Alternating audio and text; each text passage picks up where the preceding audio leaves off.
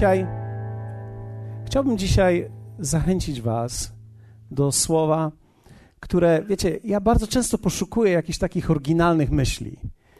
E, czasami człowiek może popaść w taką, e, nawet w taką chęć bycia oryginalnym do bycia po prostu oryginalnym. I e, czasami, kiedy patrzę na teksty, ja widzę rzeczy inaczej czasami niż wielu innych ludzi. Wcale nie oznacza, że źle czy lepiej po prostu wyglądają one dla mnie czasami inaczej i poruszane są, wierzę w to, przez Boga rzeczy we mnie, których niektórzy inni ludzie tego nie widzą. Każdy z nas ma pewnego rodzaju dary.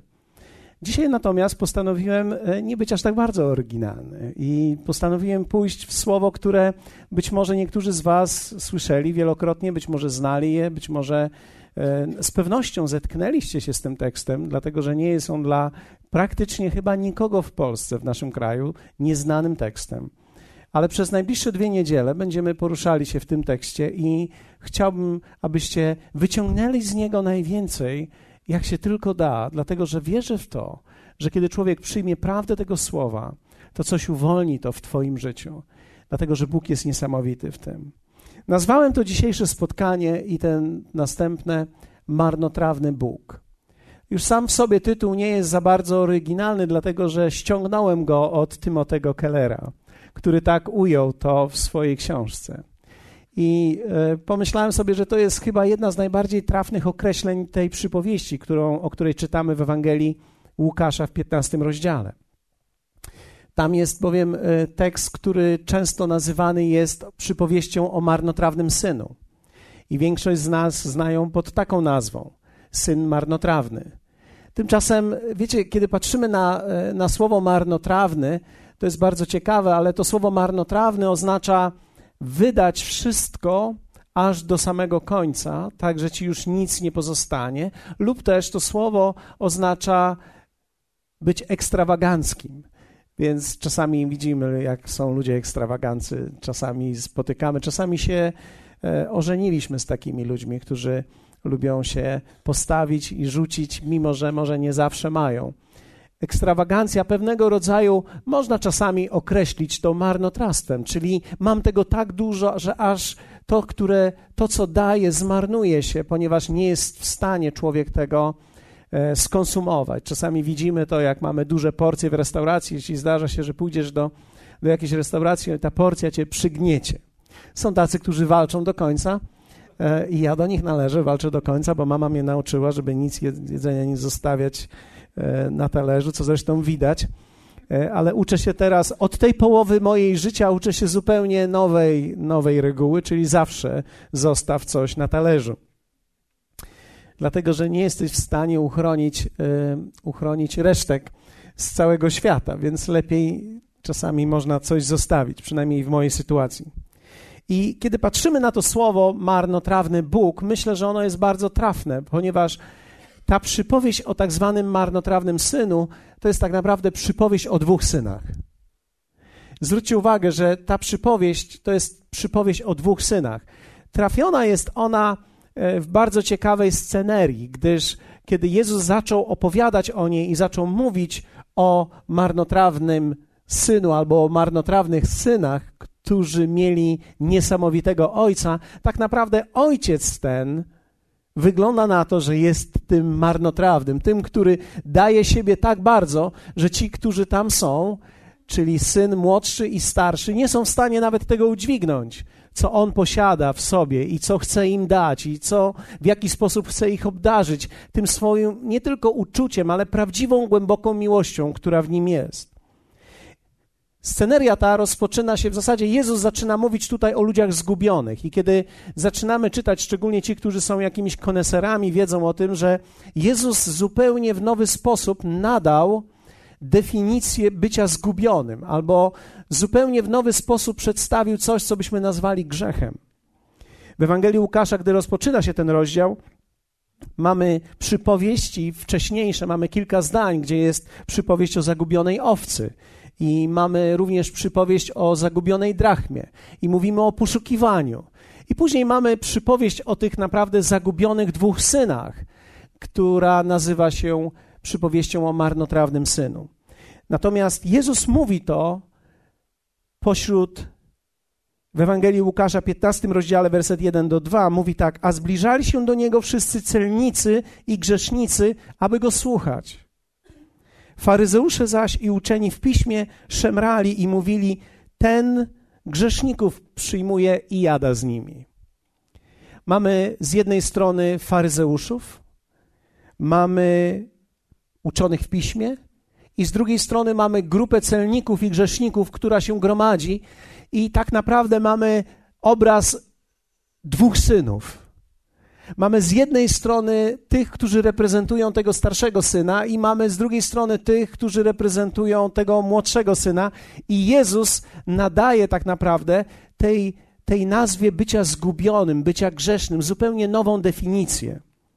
I czytamy Ewangelii Łukasza w 15 rozdziale, werset 11 do 32, taki tekst. Potem rzekł: Pewien człowiek miał dwóch synów. I rzekł młodszy z nich ojcu: Ojcze, daj mi część majątności, która na mnie przypada. Wtedy ten rozdzielił im majątność, a po niewielu dniach młodszy syn zabrał wszystko i odjechał do dalekiego kraju i tam roztrwonił swój majątek, prowadząc rozwiązłe życie. A gdy wydał wszystko, nastał wielki głód w owym kraju i on zaczął cierpieć niedostatek. Poszedł więc i przystał do jednego z obywateli owego kraju, a ten wysłał go do swojej posiadłości wiejskiej, aby pasł świnie. I pragnął napełnić brzuch swój omłotem, którym karmiły się świnie, lecz nikt mu nie dawał. A wejrzawszy w siebie, rzekł: Iluż to najemników ojca mojego ma pod dostatkiem chleba, a ja tu z głodu ginę. Wstanę i pójdę do ojca mego i powiem mu: Ojcze, zgrzeszyłem przeciwko niebu i przeciwko tobie. Już nie jestem godzien nazywać się synem twoim. Uczyń ze mnie jednego z najemników swoich. Wstał i poszedł do ojca swego, a gdy jeszcze był daleko, ujrzał go jego ojciec, użalił się i podbiegłszy, rzucił mu się na szyję i pocałował go. Syn zaś rzekł do niego: Ojcze, zgrzeszyłem przeciwko niebu i przeciwko tobie. Już nie jestem godzien nazywać się synem twoim. Ojciec zaś rzekł do sług swoich: Przynieście szybko najlepszą szatę i ubierzcie go. Dajcie mu też pierścień na jego rękę i sandały na nogi. I przyprowadźcie tuczne ciele, zabijcie je, a jedzmy i weselmy się. Dlatego, że ten syn mój był umarły, a ożył, zaginął, a odnalazł się i zaczęli się weselić. Starszy zaś syn jego był w polu. A gdy wracając zbliżył się do domu, usłyszał muzykę i tańce. I przywoławszy jednego ze sług, pytał, co to jest? Ten zaś rzekł do niego: Brat twój przyszedł i ojciec twój kazał zabić tuczne ciele, że go zdrowym odzyskał. Rozgniewał się więc i nie chciał wejść. Wtedy ojciec jego wyszedł i prosił go. Ten zaś odrzekł ojcu: Oto tyle lat służę ci i nigdy nie przestąpiłem rozkazu twego, a mnie nigdy nie dałeś nawet koźlęcia, bym się mógł z, zabawić z przyjaciółmi mymi. Gdy zaś ten syn twój, który roztrwonił majętność twoją z nierządnicami, przyszedł, kazałeś dla niego zabić tuczne ciele. Wtedy on rzekł do niego: Synu, ty zawsze jesteś ze mną i wszystko moje jest twoim. Należało zaś weselić się i radować, że ten brat twój był umarły, a ożył, zaginął, a odnalazł się. Zupełnie nowa definicja grzechu i zupełnie nowa definicja bycia zgubionym. Często, kiedy patrzymy na to, że człowiek jest zgubiony, myślimy o tych ludziach, którzy zgrzeszyli i o tych ludziach, którzy są daleko od Boga. Ale Jezus, będąc wraz z uczonymi w piśmie i faryzeuszami i tymi grzesznikami, którzy do niego przychodzili, miał tak naprawdę obraz tych dwóch synów, którzy byli blisko niego. Z jednej strony byli ci, którzy z daleka przychodzili i poszukiwali pomocy, a z drugiej strony był ten syn, który był zawsze w domu, który tak naprawdę był również zgubiony, bo nie chciał wejść. Okazuje się, że ojciec nie miał jednego zgubionego syna, ale dwóch. Ich historia jest inna, to są jakby dwa różne bieguny, i tak naprawdę każdy człowiek, jeśli będzie szczery przed sobą, to rozpozna w sobie zarówno tendencję w jedną stronę, jak i tendencję w drugą stronę. Dlatego, że bardzo często ci, którzy do Boga przychodzą po pewnym czasie, mają problem syna starszego. A ci, którzy od Boga odchodzą, mają problem syna młodszego. Oboje tak naprawdę reprezentują dwie grupy ludzi, które w pewnym momencie ich życia były przy Bogu. Spójrzmy dzisiaj i to będzie dzisiaj nasz cel, przyjrzeć się temu synowi młodszemu. Zachęcam Was, abyście, jak tylko możecie, już zaplanowali, że będziecie w następną niedzielę. Dlatego, że następna niedziela będzie do większości z nas prawdopodobnie tutaj. I jestem przekonany, że każdy z nas dzisiaj również odnajdzie się w tym młodszym synu. Ciekawe jest, że młodszy odchodzi do dalekiego kraju, a starszy zawsze trzyma się blisko. Czy to nie jest niesamowite w rodzinie, że mamy starszego, który jest porządny i najmłodsze w dół są zawsze jakieś takie dzikie, idą gdzieś same dla siebie? Ja nie chcę powiedzieć, że tak jest w każdej sytuacji i w każdej rodzinie, ale wygląda tak, że ten najstarszy zawsze tak jakby był tym najgrzeczniejszym, ponieważ już od razu na jego ramiona były wrzucone pewnego rodzaju odpowiedzialność i to, co byśmy w rodzinie nazwali pewną taką odpowiedzialnością za młodszych. Więc ten starszy był ten porządny, a ten młodszy to był ten, który marzył o innych krajach. Ciekawe, że to tak pasuje do mojego domu, gdzie mam tego porządnego, który zawsze stara się zrobić wszystko, co trzeba, i mam najmłodszą, która, która myśli o, o dalekich krajach. No i mam też tą środkową, która jest mieszanką pomiędzy. Pierwsze słowa najmłodszego syna to są słowa daj mi. Daj mi. Daj mi. Powiedzmy razem daj mi. Najmłodszy chce brać. Najmłodszy chce brać. Nie ma żadnych oporów, żeby brać. Wygląda na to, że najmłodszy ciągle jest skoncentrowany na tym, czego potrzebuje sam więc ciągle chce brać. I kiedy mówi do ojca, tak naprawdę, daj mi część majątku, która mi się należy. Wiecie, w tamtym czasie, kiedy ktoś z Was studiuje trochę historię, to będzie wiedział, że większość majątności, tak naprawdę całe dziedzictwo było umieszczone w ziemi. Nie trzymano wtedy gotówki na kontach, wtedy większość tego, co moglibyśmy nazwać majątnością, czy też częścią działu daną dziedziczną, to była część, która tak naprawdę była w ziemi. Więc kiedy teraz młodszy syn przychodzi do ojca i mówi: Daj mi, tak naprawdę mówi do niego wiele rzeczy. Mówi: Po pierwsze, chcę, żebyś już teraz sprzedał tą część majątku, która się mi należy, abyś spieniężył to i dał mi to wszystko. To nie są oczywiście jedyne te słowa. W tamtym czasie młodszemu synowi należało się jedna trzecia majątku. To jest bardzo ciekawe, ponieważ jedna trzecia majątku może wcale nie wygląda na tak wiele, ale wiecie, ojciec miał bardzo wiele. Miał swoje sługi, miał również ludzi, których zatrudniał i miał tych dwóch synów. I jedną trzecią zdecydował się, żeby sprzedać. Oczywiście historia ta jest dosyć krótka, natomiast opisuje prawdopodobnie dłuższy fragment czasu. Prawdopodobnie jest to więcej niż kilka miesięcy. Prawdopodobnie opisuje to około, ta, ta scena, którą mamy w Łukasza 15, opisuje około dwa lata historii. Dlatego, że ojciec musiał sprzedać to wszystko, co w danym momencie należało się temu synowi, więc jedną trzecią tego majątku. Słowa były tak trudne dla ojca, że tak naprawdę, wierzcie mi, to jest troszeczkę tak, jakby dzisiaj twoje dziecko przyszło i powiedziało: Wolałbym, żebyś umarł i żebyś już teraz zostawił mi to wszystko, co się należy dla mnie. To jest dzielenie majątku, zanim dana osoba tak naprawdę umrze. Oddaj mi teraz to, co mi się należy, ponieważ ja chcę to teraz zużyć. To, był, to była wielka potwarz w tamtym czasie, gdzie szacunek był bardzo wysoką częścią społeczną, był, był bardzo honorowany w tamtym miejscu. I w tym momencie ten syn przychodzi i mówi: Daj mi to.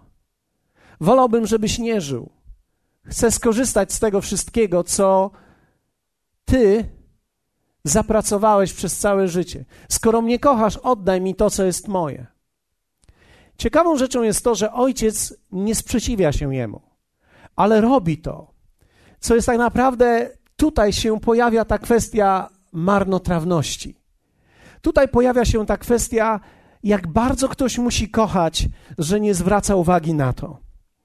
To jest niesamowite, że czasami miłość Wiecie, miłość ma różnego rodzaju zasady, z wyjątkiem tego, że ktoś kogoś bardzo kocha, bo jest bardzo blisko, i wtedy kończą się zasady.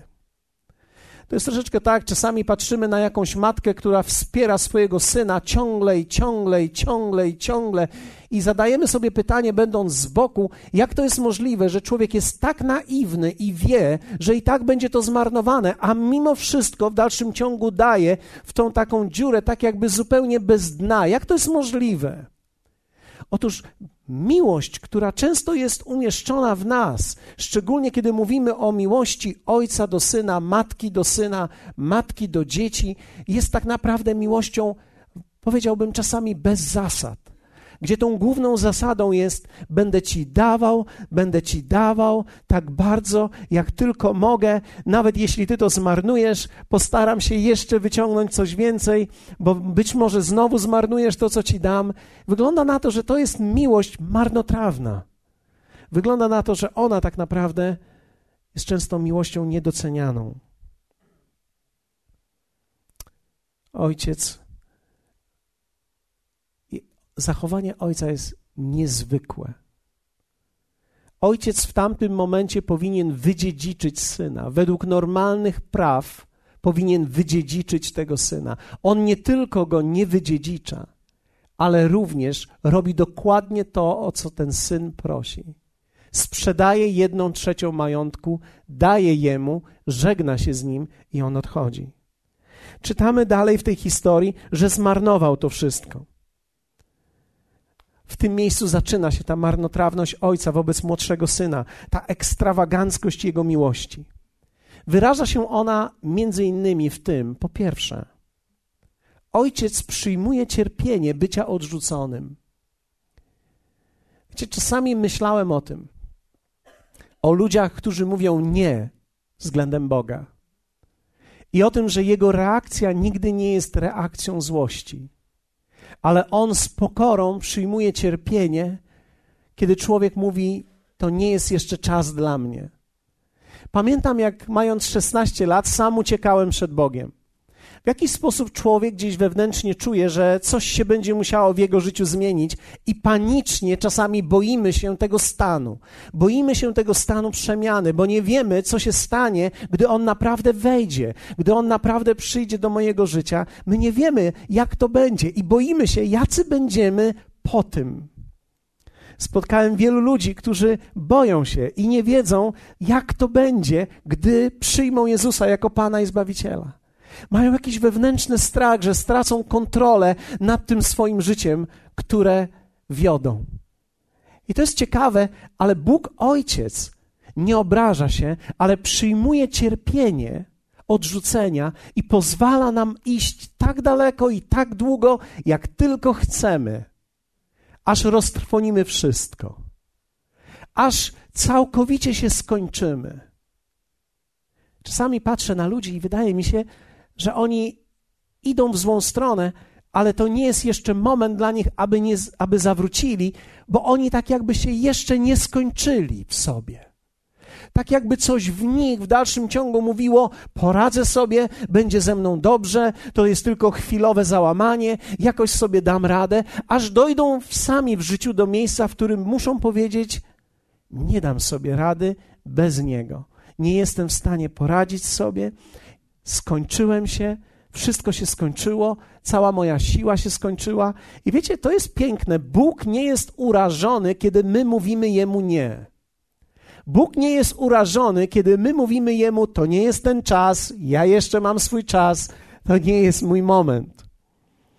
Normalnie, kiedy człowiek jest zraniony, chce jak najszybciej się oddzielić od tej osoby, która go rani. Zwróciliście uwagę, czasami w domu kiedy żona powie ci coś niemiłego, albo ty powiesz żonie coś niemiłego, natychmiast znajdujemy drzwi.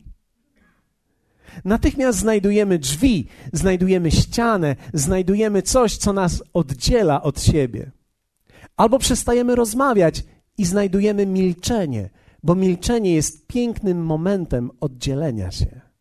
Jest taką niewidoczną, niewidzialną ścianą, która oddziela nas od siebie. Każdy żyje tak jakby w swoim własnym świecie i poruszamy się tak jakby w zupełnie na dwóch ekranach. Mimo, że mamy tą samą scenerię, jesteśmy w zupełnie innych miejscach. Milczenie oddziela nas. Ściana oddziela nas. Są małżeństwa, są domy, gdzie, gdzie mieszkają w różnych pokojach. E, są domy, gdzie, gdzie mieszkają w różnych mieszkaniach. Tak jakby. Czasami można żyć w jednym mieszkaniu i tak jakby oddzielnie. Gdy jesteśmy zranieni, szukamy natychmiast momentu oddzielenia się. Ojciec tego nie szuka. My wiemy o tym, że ojciec historii powinien w tym momencie wypędzić syna, wydziedziczyć go. Ale on tego nie robi. I apostoł Paweł w liście do Rzymian mówi niesamowite słowa. Wiecie, piąty rozdział, werset ósmy mówi tak. Bóg zaś daje dowód swojej miłości ku nam przez to, że kiedy byliśmy jeszcze grzesznikami, Chrystus za nas umarł. Wiecie, Chrystus umarł za wszystkich ludzi. Zanim ktokolwiek z nas tutaj, którzy siedzimy, słuchamy, w ogóle uświadomił sobie to. On umarł i okazał swoją miłość. Ojciec okazał Tobie miłość. I niektórzy z nas dzisiaj siedzą tutaj i mówią: Ja jeszcze nie jestem chrześcijaninem. Okej, okay. niektórzy słuchają nas i mówią: Ja nie jestem jeszcze chrześcijaninem. Ja, a niektórzy mówią: Ja nie chcę być chrześcijaninem. I to nie ma żadnego znaczenia. Ojcowska miłość jest tak wielka, że Bóg nie jest zraniony Twoją odpowiedzią na nie. Bóg kocha Ciebie, nawet kiedy mówisz nie.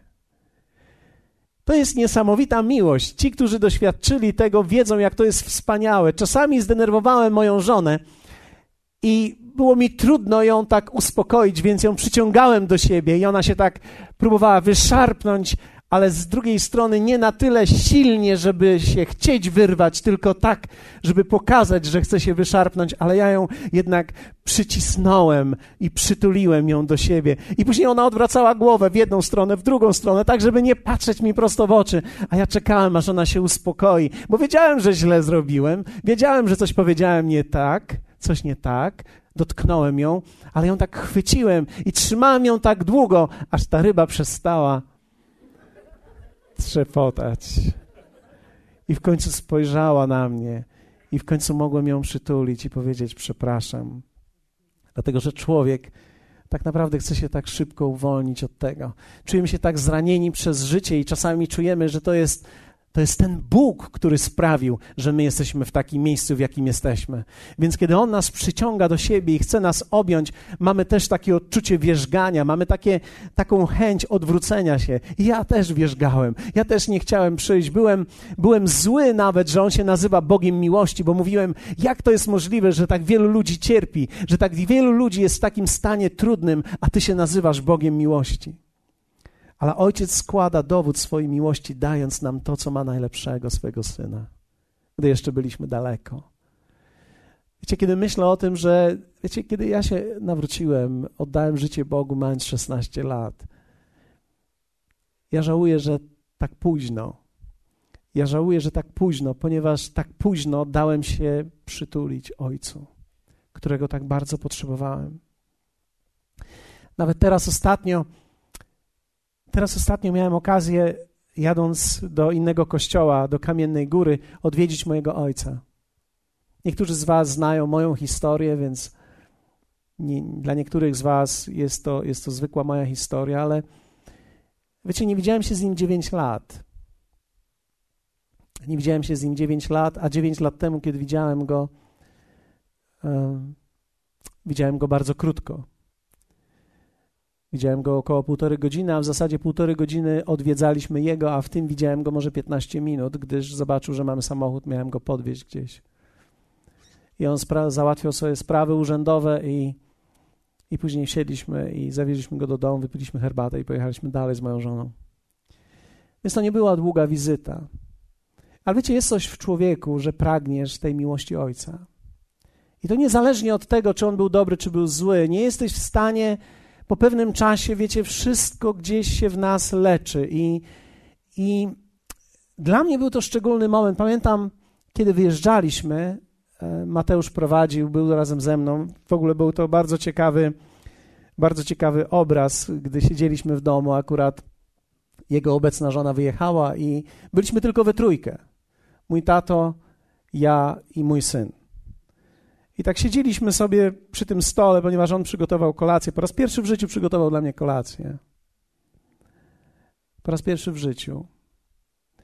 I siedzieliśmy przy tym stole i pomyślałem sobie, to ciekawy obraz jest. Ciekawe, czy ktoś w ogóle sobie zdaje sprawę z tego, co się dzieje, ale są trzy pokolenia. Mateusz spojrzał na mnie i spojrzał na tatę i zrobił nam zdjęcie, cyknął, gdy pokazywałem jemu zdjęcia i mówi, jesteście podobni, łysiejecie w tym samym miejscu. I pamiętam, kiedy wyjeżdżaliśmy, mieliśmy bardzo miłą tą wizytę, zawieźliśmy mały prezent i, i na końcu, kiedy odprowadzał nas i kiedy e, uścisnął mnie, czułem,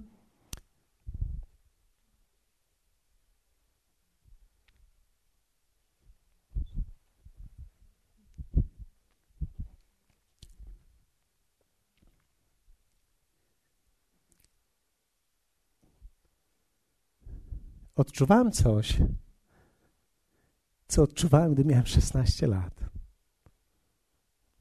Gdy przyszedłem do Boga Ojca i On mnie przytulił. Wiecie, ja wierzę w to, że w każdym uścisku Ojca naszego na ziemi, którego czasami wielu z nas nie doświadcza, jest o wiele większy uścisk, który czeka na nas. To jest ten uścisk nieba. Uścisk i dotyk Ojca którego szukamy. Ja już dzisiaj nauczyłem się żyć bez tego ziemskiego uścisku. Ale w tym momencie to było dla mnie coś bardzo szczególnego. Przypomniało mi się, jak mając 16 lat, rzuciłem się tak naprawdę w ramiona Boga Ojca, który mnie uścisnął, który mnie przytulił i który stał się wszystkim w moim życiu. Czułem, że jestem tym synem, który uciekał, który był zgubiony i gdzieś odnalazł prawdziwego, prawdziwego ojca, o którym marzył. Wiecie, mój ojciec nigdy nie będzie już ojcem, którym mógł być, gdyby poznał Pana.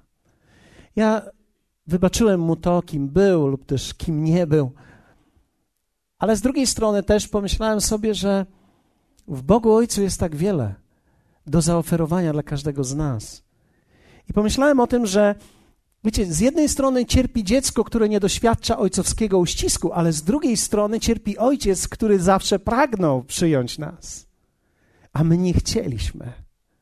I za każdym razem, kiedy Bóg przychodzi do nas, On trzyma te dłonie wyciągnięte w naszą stronę i, i jeśli my nie chcemy przyjść, to On przeżywa to cierpienie w szczególny sposób. Myślę, że często bardziej niż my jako dzieci, bo on wie, co ma do zaoferowania. I on wie, kim jesteśmy. Więc on przyjmuje cierpienie bycia odrzuconym. Dziękuję. Apostoł Paweł mówi: Bóg zaś daje dowód swojej miłości ku nam przez to, że kiedy byliśmy jeszcze grzesznikami, Chrystus za nas umarł. Zobaczcie drugą rzecz. Ta marnotrawność ojca jest niesamowita. Łamie zasady społeczne, drugie, aby zbliżyć się do syna. Gdy był jeszcze daleko, ten syn, gdy był jeszcze daleko, ta przypowieść mówi, gdy on był jeszcze daleko, ojciec biegnie. To było niewłaściwe zachowanie. To było zakazane. W tamtych czasach mężczyzna, który posiada ziemię i posiada dzieci, nie wolno mu biegać. Nie wolno. On może tylko chodzić dostojnie. Jedyne osoby, które mogły biegać, to były dzieci i wybaczcie, kobiety również. Nie wiem dlaczego kobiety mogły biegać, ale kobiety mogły biegać, mężczyźnie nie wypadało biegać w tamtym czasie. On złamał zasady, on zaczął biec. Inaczej mówiąc, sam ojciec zaczął zachowywać się jak dziecko lub jak kobieta, zaczął biec naprzeciw swojego syna i rzucił się synowi na szyję, nie wolno było tego robić. Ojcu nie wolno było przejąć inicjatywy okazywania uczuć względem swoich dzieci. To dzieci miały obowiązek przejąć inicjatywę i okazywać miłość. Ojciec nie. On miał być tylko tym, który odpowiada. Tymczasem Jezus w niesamowity sposób o tym opowiada, mówiąc o tym, jak miłość Ojca może być tak wielka, że On złamie wszelkie społeczne zasady, żeby sięgnąć Cię szybciej, zanim Ty Jego sięgniesz. I wiecie, jeśli nigdy człowiek nie odczuł miłości Ojca i nie dostrzegł, jak ten Ojciec biegnie w Twoją stronę, trudno Ci będzie pokochać Boga. Ja nie wierzę w to, że naprawdę można kochać Boga, dopóki człowiek nie przeżyje tej nieprawdopodobnej, marnotrawnej miłości Ojca. Że On Cię po prostu zalewa. Zalewa Cię swoją miłością i czujesz to w swojej duszy, widzisz to w Jego słowie Widzisz to w swoim duchu, rozpoznajesz to, jakim On jest dobrym, niesamowitym Ojcem. Jan, który jest nazwany apostołem miłości, pisze o tym tak. Kto nie miłuje, nie zna Boga, gdyż Bóg jest miłością. W tym objawiła się miłość Boga do nas, iż Syna swego jednorodzonego posłał Bóg na świat, abyśmy przezeń żyli. Zobaczcie, Jan pisze tak, kto nie miłuje. On nikogo nie potępia, kogoś, kto nie miłuje, ale on mówi tak, jeśli człowiek nie miłuje, to znaczy, że nie zna Boga. I to słowo zna to jest greckie słowo ginosko, o którym wielu z Was słyszało. To jest doświadczyć Boga. To jest coś więcej niż tylko poznać i zrozumieć. Aha, a, no tak, rozumiem. Nie, to jest doświadczyć tego uścisku, to jest doświadczyć tego ciepła, to jest doświadczyć tej niesamowitej mocy, że człowiek może naprawdę zacząć płakać jak dziecko w tych ramionach. Powiem Wam szczerze, nie ma twardego człowieka na to. Wszyscy, którzy siedzą i mówią: Mnie to nie bierze, ja nie będę płakał jak kobieta albo jak dziecko. Wierz mi, kiedy dotkniecie ojciec i przytulicie. Nie ma, nie ma na świecie takiego dotyku. Nie ma na świecie takiego uścisku. Nie ma na świecie czegoś takiego. On zrobi wszystko, żeby cię ratować, on zrobi wszystko, żeby ciebie przyjąć. I Jan opisał to doświadczenie i powiedział, że ten, kto nie kocha, nigdy tego nie doświadczył. A w kolejnym wersecie mówi: A myśmy poznali i uwierzyli w miłość, którą Bóg ma do nas. I poznali, znowu pojawia się słowo ginosko, czyli doświadczyć. Coś więcej niż tylko poznać intelektualnie. Doświadczyć, przybliżyć się. Każdy, kto się przybliży i doświadczy tej miłości, oh, życie się zmienia. Marnotrawny Bóg wyraził swoją miłość, łamiąc wszelkie ludzkie konwenanse on biegnie w Twoją stronę. On biegnie w stronę wszystkich, którzy są odrzuceni. Tak naprawdę często biegnie przez ludzi, którzy szukają innych ludzi. Ci wszyscy, którzy są zaangażowani w kurs alfa, wy jesteście stopami, nogami Ojca, który biegnie i szuka ludzi. Ci, którzy pragną podać dalej komuś to, co sami doświadczyli, jesteście tymi, którzy reprezentują Ojca, który swoją miłością i pragnieniem szuka człowieka, szuka swojego syna.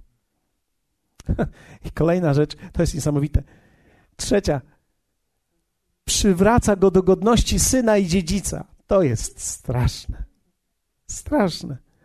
Ojciec w ogóle nie podejmuje negocjacji z nim. Ojciec mówi tak: przynieście mu. Wiecie, syn miał już mowę. Pamiętam, jak ja któregoś dnia pomyślałem sobie, gdy ja przyjdę do Ojca, to ja przygotuję się i będę miał mowę, będę miał modlitwę.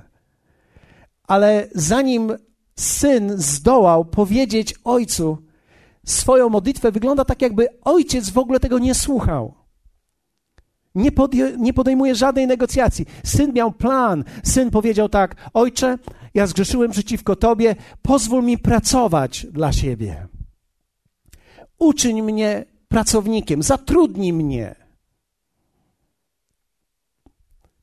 Ojciec nie podejmuje tej negocjacji w ogóle.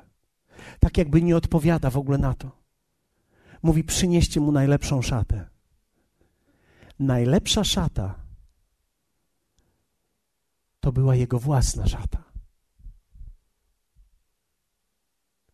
To nie była czyjaś szata, to była jego własna szata. Ojciec mówi: przynieście mu moją szatę, przykryjcie go, ubierzcie go, służcie mu jak mojemu synowi. Dalej daję mu pierścień, Inaczej przywraca go do godności syna i dziedzica. Ciekawa rzecz jest w tym, że symbol nadania pierścienia temu synowi oznacza, że teraz z powrotem przywracam ciebie do bycia znowu dziedzicem. To jest straszne. Bo teraz z tego dwu, dwie trzecie majątku, które zostało, na nowo przywracam ciebie do godności syna, więc tych dwóch trzecich jedna trzecia znowu jest twoja. Tu leży również przyczyna, dla której starszy syn dostał nerwa. Był poirytowany. Żyłka zaczęła mu ciążyć, wychodzić. Dlaczego? Ponieważ ojciec jest tak dobry, że nie tylko przy, przyciąga ciebie do siebie, ale również czyni cię dziedzicem. Bóg nie chce, abyś dla niego pracował. On chce, abyś dla niego żył. Dzisiaj rano, kiedy myślałem o tym dzisiejszym spotkaniu naszym, pomyślałem sobie, to jest niesamowite, kiedy człowiek sobie uświadomi, że nie możesz zrobić nic, żeby Bóg cię bardziej kochał. Nic. Niektórzy mówią, to ja się trochę jeszcze poprawię, bo ja jestem w bardzo kiepskim miejscu. On na to nie czeka. On nie czeka, żebyś się poprawił, żeby ci okazać swoją miłość. Nie możesz zrobić również nic tak złego, żeby cię przestał kochać. W zasadzie możemy powiedzieć, nie możesz zrobić nic, żeby wzbudzić inną reakcję w Ojcu, jak tylko miłość. Gdy będziesz odchodził, On cię będzie kochał. Gdy będziesz przychodził i gdy się zbliżysz, On wybiegnie pierwszy. Gdy cię tylko ujrzy, On będzie biegł. On złamie konwenanse, On złamie zasady, żeby chwycić ciebie. Wiecie, chrześcijaństwo nie jest zbiorem zasad tylko, ale jest przede wszystkim sztuką relacji z Ojcem.